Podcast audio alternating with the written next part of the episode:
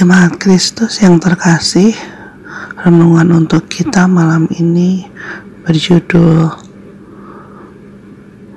Apa Dasarnya? Dan bacaan kita diambil dari kitab Roma 8 ayat 6 sampai dengan 11. Beginilah firman Tuhan. Karena keinginan daging adalah maut, tetapi keinginan roh adalah hidup dan damai sejahtera. Sebab keinginan daging adalah perseteruan terhadap Allah, karena ia tidak takut kepada hukum Allah. Hal ini memang tidak mungkin baginya. Mereka yang hidup dalam daging tidak mungkin berkenan kepada Allah. Tetapi kamu tidak hidup dalam daging, melainkan dalam roh. Jika memang roh Allah diam di dalam kamu. Tetapi jika orang tidak memiliki roh Kristus, ia bukan milik Kristus.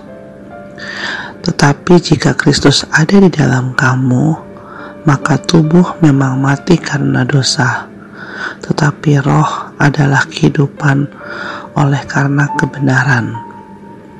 Dan jika roh dia yang telah membangkitkan Yesus dari antara orang mati diam di dalam kamu, maka ia yang telah membangkitkan Kristus Yesus dari antara orang mati akan menghidupkan juga tubuhmu yang fana itu oleh rohnya yang diam di dalam kamu.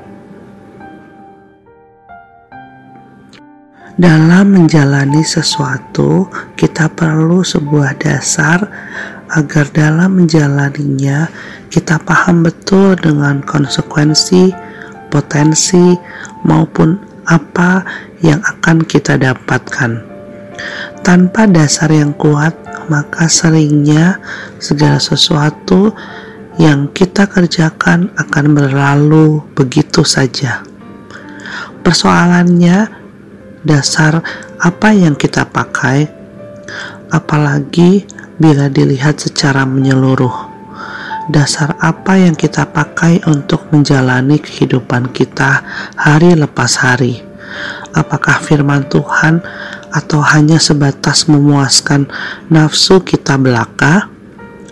Paulus mengingatkan kepada kita bahwa ada dua dasar yang dapat muncul dalam hidup kita, yaitu keinginan daging dan keinginan roh. Persoalannya, dua hal ini tak bisa hidup berdampingan seperti yang banyak orang dambakan. Kita mutlak harus memilih salah satu ujung keduanya sudah kita ketahui bersama tanpa perlu dijabarkan ulang. Yang menjadi perenungan untuk kita saat ini adalah apakah kita benar-benar siap meninggalkan kedagingan kita dengan hidup menurut roh dan kebenaran? Karena sangat mungkin prosesnya tidak mudah, bahkan berat karena ada banyak hal dalam hidup kita yang harus dilepas dan ditinggalkan. Bahkan mungkin berkaitan dengan apa yang paling kita sukai dan menjadi adiksi dalam hidup kita. Mari memilih dengan bijak. Demikianlah renungan malam ini.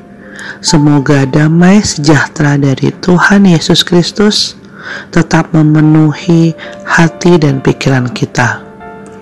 Amin.